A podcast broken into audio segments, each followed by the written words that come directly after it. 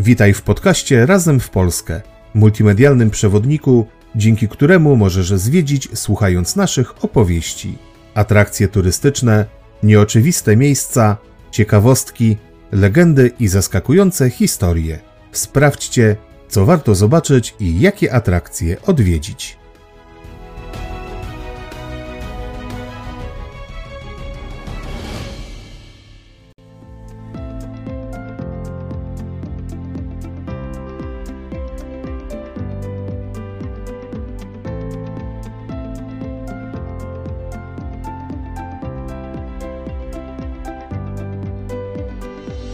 Na co narzekała właścicielka pięknego pałacu, gdzie znajdowała się jedna z najsłynniejszych w Europie posiadłości łowieckich na przełomie XIX i XX wieku jaki los spotkał jedną z najpiękniejszych angielskich arystokratek XIX stulecia i na co książę Hochberg wymienił 20 jeleni. Opowiemy Wam o tym podczas wycieczki do miasta, które swoją sławę zawdzięcza bogatej rodzinie magnackiej, dzięki której rozwijał się śląski przemysł.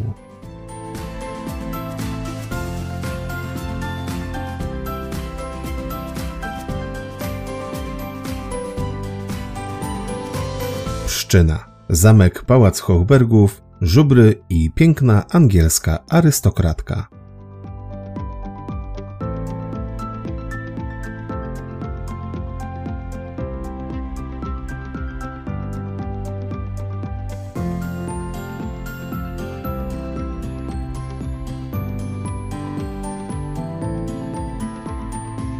Zabieramy Was dziś na wycieczkę do miasta nazwanego Perłą Górnego Śląska. Ta niezwykła miejscowość przyciąga turystów, urzekając ich malowniczą, wręcz bajkową scenerią oraz bogatą historią. Odwiedzamy dziś położoną w południowej części województwa śląskiego Pszczynę. Z usytuowanym u stóp Beskidów miastem związały swoje losy najbogatsze śląskie rody magnackie, tworząc tu wspaniały zamek godny koronowanych głów. To na jego okolicach skupimy się dzisiaj. Sprawdźcie z nami, jakie atrakcje warto zobaczyć w Pszczynie.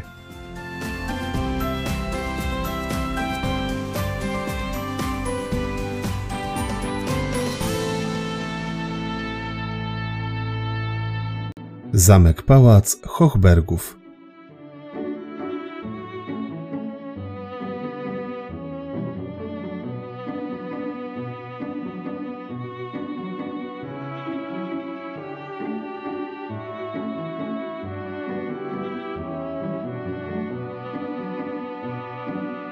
Niewiele jest w Polsce miejsc, których nie dotknęły zniszczenia wojenne. Jedną z takich perełek jest zamek w Pszczynie. Według niepotwierdzonych informacji powstał około XI-XII wieku, kiedy to książęta piastowscy wznieśli tu strażnicę niezbyt przypominającą klasyczny zamek, a chroniącą szlaku handlowego z Moraw na Ruś Kijowską. Przez pewien czas tutejsze ziemie stanowiły część Małopolski, a od 1178 roku stały się częścią Śląska, gdy książę krakowski Kazimierz II Sprawiedliwy podarował ją Mieszkowi I Plontonogiemu, władcy księstwa Raciborskiego. Była to prawdopodobnie jednoskrzydłowa budowla otoczona fosą. Wówczas też zamek zaczął pełnić funkcję, z jakiej w późniejszych latach zasłynął w Europie posiadłości łowieckiej, o czym ewidentnie świadczą liczne trofea myśliwskie zgromadzone przez kolejnych właścicieli.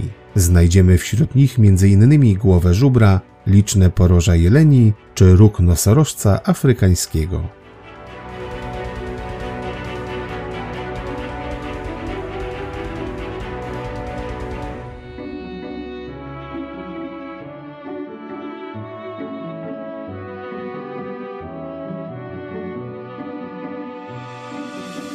1327 roku kolejny z książąt raciborskich Leszek zmuszony został do złożenia hołdu królowi Czech i ziemia pszczyńska znalazła się w orbicie ich wpływów. Początek XV wieku przynosi pierwsze wzmianki o istnieniu murowanego zamku. W 1407 roku warownia trafia w dożywotnie użytkowanie bratanicy króla Władysława Jagiełły, która przebudowuje zamek w stylu gotyckim, tworząc czworoboczne założenie obronne z wieżami. Warownia zdaje egzamin już w 1433 roku, kiedy dzielnie opiera się najazdom husyckim.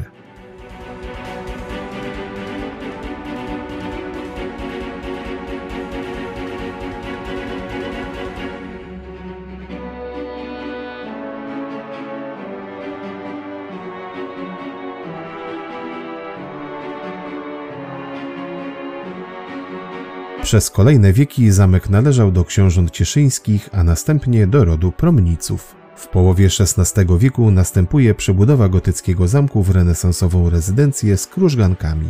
Po pożarze w pierwszej połowie XVIII stulecia warownia przechodzi lifting w barokowy pałac. Pod koniec wieku trafia on w ręce spokrewnionych z promnicami książąt Anhalt, którzy przekształcają zwierzyniec w park pałacowy. Po wygaśnięciu linii Anhalt-Ples w 1846 roku zamek w Pszczynie przejmują Hochbergowie z książa, którzy w 1850 roku otrzymują tytuł książąt na Pszczynie.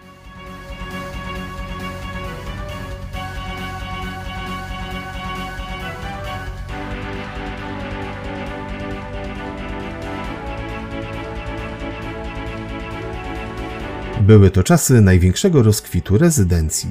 Pałac przebudowano do obecnego wyglądu i powstało rozległe założenie ogrodowo-krajobrazowe sięgające aż do zameczku myśliwskiego w Promnicach pod Tychami. W tym czasie Pszczyna odwiedzana była przez królów pruskich, później cesarzy niemieckich oraz ich królewskich gości z całej Europy. Regularnie bywał tu Wilhelm II, a jego wizyty stawiały na nogi cały dwór. Na odwiedziny te strasznie narzekała ówczesna pani na zamku, księżna Daisy. Przeszkadzały jej te męskie rozmowy oraz niekończące się kolacje i konieczność przestrzegania pełnej dworskiej etykiety, włącznie z przywdziewaniem oficjalnych strojów. Jak sama stwierdziła, Nie jest łatwo gościć pruskiego cesarza. a kim była owa Daisy, opowiemy wam za chwilę.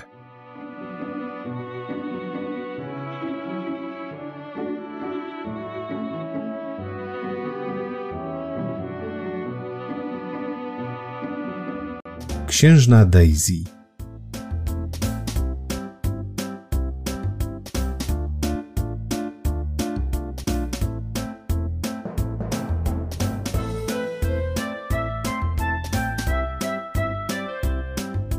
Księżna Daisy von Ples, a oficjalnie Maria Teresa Olivia Cornwallis West, księżna pszczyńska, hrabina von Hochberg i baronowa na książu, urodziła się 28 czerwca 1873 roku w zubożałej angielskiej rodzinie arystokratycznej. Nie zdobyła zbyt znaczącego wykształcenia, nadrabiała to jednak nieprzeciętną, wrodzoną inteligencją i w tamtych czasach wyrastała ponad przeciętność. Piękna, postawna, wywodząca się z dobrego angielskiego domu, ze smukłą kibicią, uwielbiająca modę i dobrą zabawę, a przy tym wrażliwa na krzywdę innych.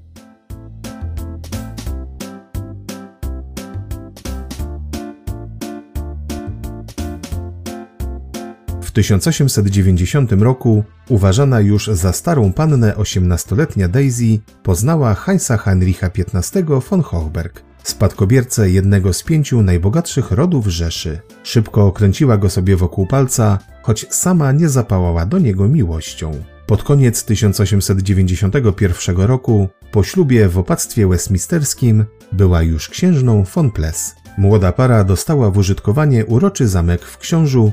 Książ nie przypadł jej jednak do gustu, lubiła za to przebywać w mniejszym pałacu w Pszczynie, choć nie potrafiła zrozumieć, dlaczego nie było tam ani jednej łazienki. Natychmiast kazała je wybudować. Dzisiaj zamek w Pszczynie, a szczególnie jego wnętrza, prezentują się dokładnie tak jak za czasów księżnej Daisy.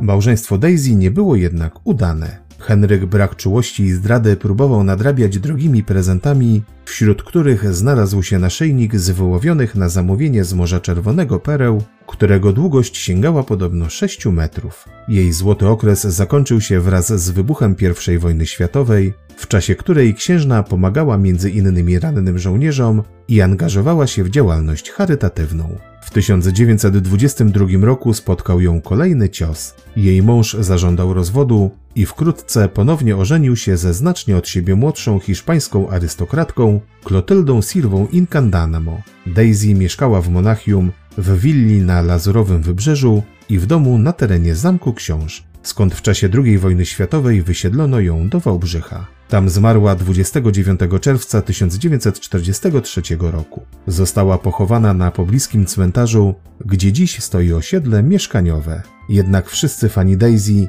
jeszcze dziś mają okazję usiąść na chwilę u jej boku na wykonanej z brązu ławeczce stojącej na pszczyńskim rynku i wstryknąć sobie pamiątkowe selfie.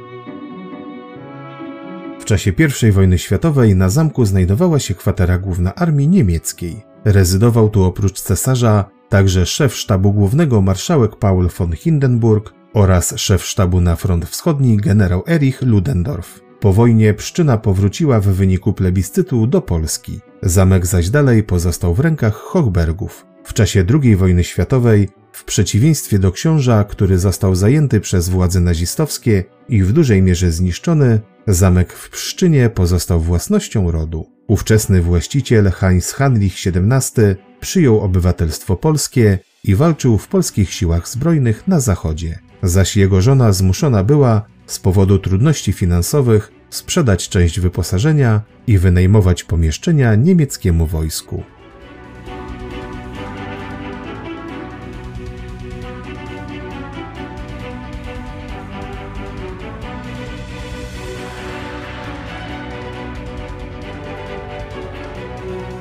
Po zajęciu Pszczyny przez Armię Czerwoną zamek o dziwo pozostaje nienaruszony. Już w 1945 roku podjęto decyzję o utworzeniu muzeum prezentującego wnętrza z oryginalnym wyposażeniem. Gruntownej renowacji zamku dokonano w latach 70. XX wieku. Zadbano o to, by wiernie odtworzyć pokoje z czasów pierwszych właścicieli. Dokonano tego na podstawie wnikliwych badań dokumentów i zapisów historycznych. Przywrócono oryginalne kolory, wykończenia i złocenia wnętrz, a nawet ustawienia przedmiotów.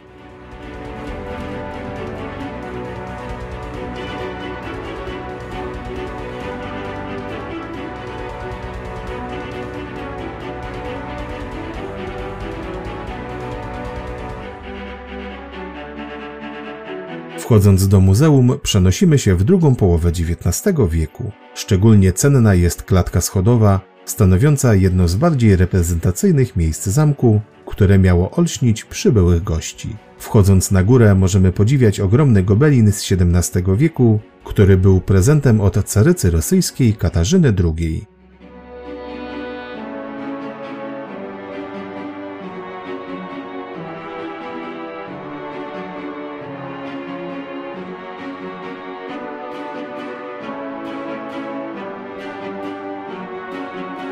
Pierwsze piętro jest urządzone w stylu renesansowym, są na nim sypialnie, gabinety, salony oraz łazienki książąt. Możemy tu również zajrzeć do bogato zdobionej biblioteki.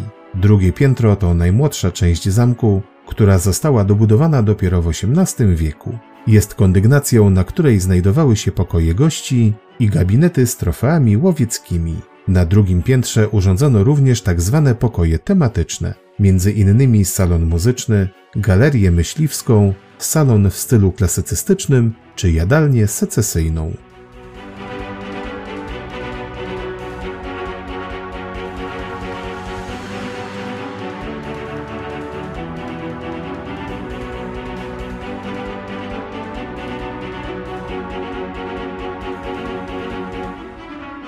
Parter to tak zwane apartamenty cesarskie, w których urzędował m.in. cesarz Niemiec Wilhelm II. To również tutaj zajrzeć można do sypialni cesarzowej, salonu cesarskiego, a także gabinetu i garderoby połączonych ze sobą przestronnym korytarzem zachodnim, przystrojonym trofeami myśliwskimi. Natomiast piwnica zamku została zaadoptowana na zbrojownię, w której znajdują się zbiory pochodzące z wieków od XVI do XX.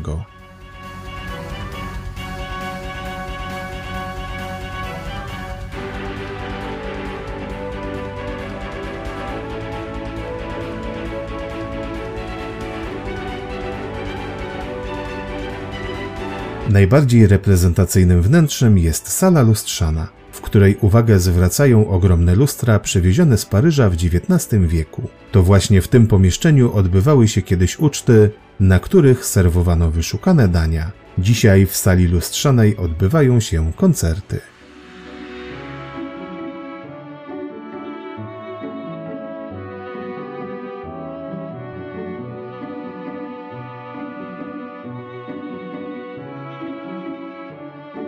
W nocy z 26 na 27 listopada 1991 roku dokonano na zamku zuchwałej kradzieży, głośnej na całą Polskę. Gęsta mgła i brak środków na instalację alarmową sprzyjały złodziejom, którzy przez balkon na pierwszym piętrze po wybiciu szyby dostali się do środka. Ich głównym celem były porcelanowe figurki należące do tzw. Tak małpiej kapeli, których twórcą był Johann Joachim Kindler, niemiecki rzeźbiarz znany z tego, że projektował dla manufaktury w Miśni. Oprócz figurek złodzieje połaszczyli się również na Biblię Weimarską, wydaną w 1708 roku w Norymberdze, która leżała w pobliżu. Kilkanaście godzin po włamaniu na granicy czesko-niemieckiej celnicy poszukujący alkoholu i papierosów odnaleźli w bagażu Biblię i ponieważ podróżni nie umieli wytłumaczyć przekonująco pochodzenia, zatrzymali ją w depozycie. Wróciła ona do Pszczyny w 1992 roku. Niestety los figurek nie jest znany do dziś.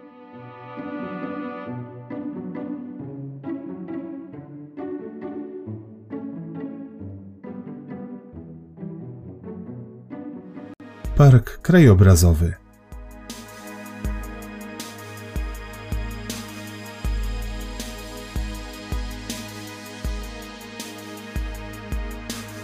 Przy zamku znajduje się rozległy, bo zajmujący około 160 hektarów park krajobrazowy. Założony został w XVI wieku, choć jego aktualny wygląd pochodzi z XIX stulecia. Teren podzielono na trzy części: park zamkowy, dworcowy oraz zwierzyniec. Niewątpliwie sprzyja on romantycznym spacerom, spotkaniom towarzyskim czy sesjom fotograficznym. Półokrągłe mostki, ławeczki, stawy oraz budynek pszczyńskiego pałacu często wybierane są jako niezwykle fotogeniczne tło dla ślubnych fotografii.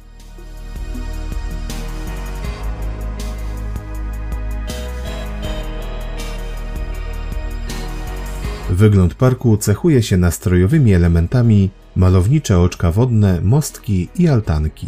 Wśród drzew skryta jest również zabytkowa lodownia, w której przechowywano lód dla pałacowej kuchni, czy tajemniczo wyglądająca nekropolia lodziny Anhaltów z potężnym żelaznym krzyżem. Ładnie prezentuje się również położona na wyspie herbaciarnia, spod której rozpościera się piękny widok na zamek.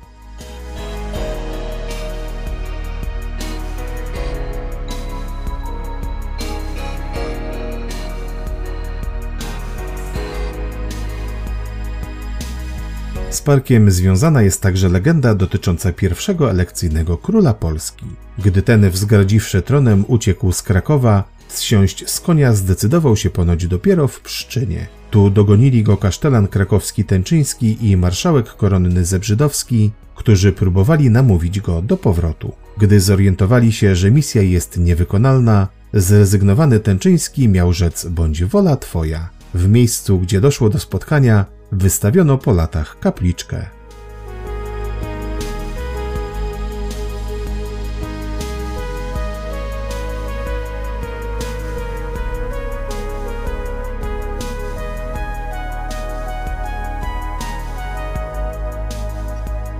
Wizytę w parku warto zakończyć odwiedzając zabytkowe stajnie książęce, które zostały wybudowane w drugiej połowie XIX wieku. Już samo wnętrze stajni jest bardzo ciekawe. Ceglany obiekt ma pięknie zachowane sklepienia krzyżowo-żebrowe i widać, że konie mieszkały tu w luksusowych warunkach. W budynku obejrzeć dziś można wystawy czasowe.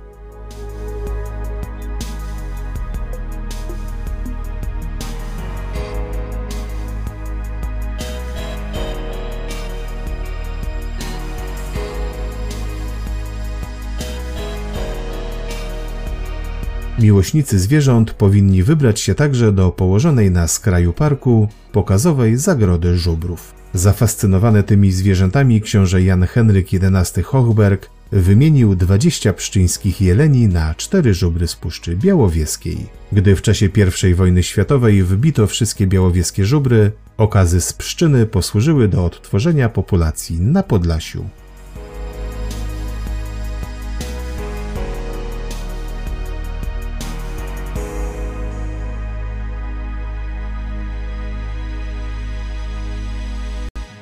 Rynek w Pszczynie.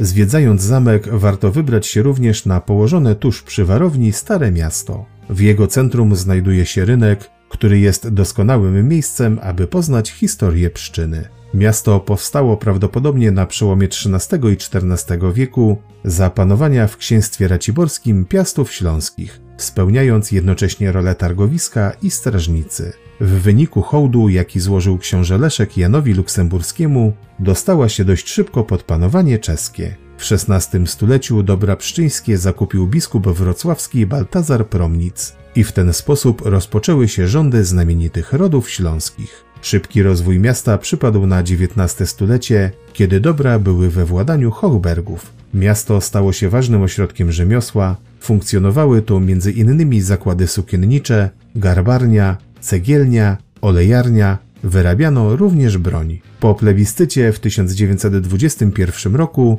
Pszczyna znalazła się w granicach Polski.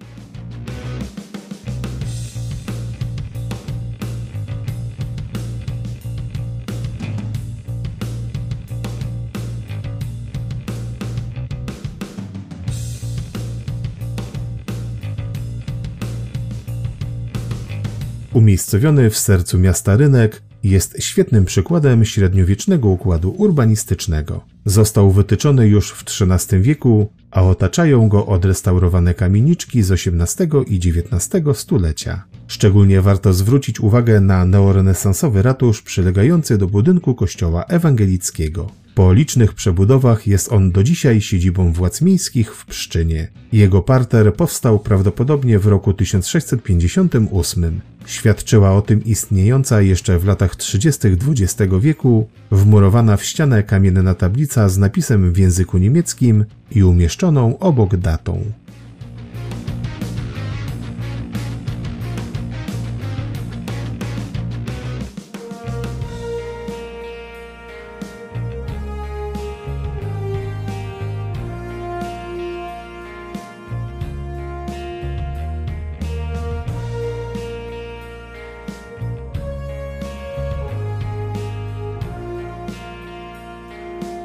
Oprócz wymienionych tu przez nas atrakcji, warto także odwiedzić Muzeum Prasy Śląskiej, by poczuć się jak XIX-wieczny drukarz, Muzeum Militarnych Dziejów Śląska, prezentujące ekspozycje broni od czasów prehistorycznych do wojen światowych, czy skansen wsi pszczyńskiej. Nam się to nie udało, ale na pewno wrócimy jeszcze do pszczyny.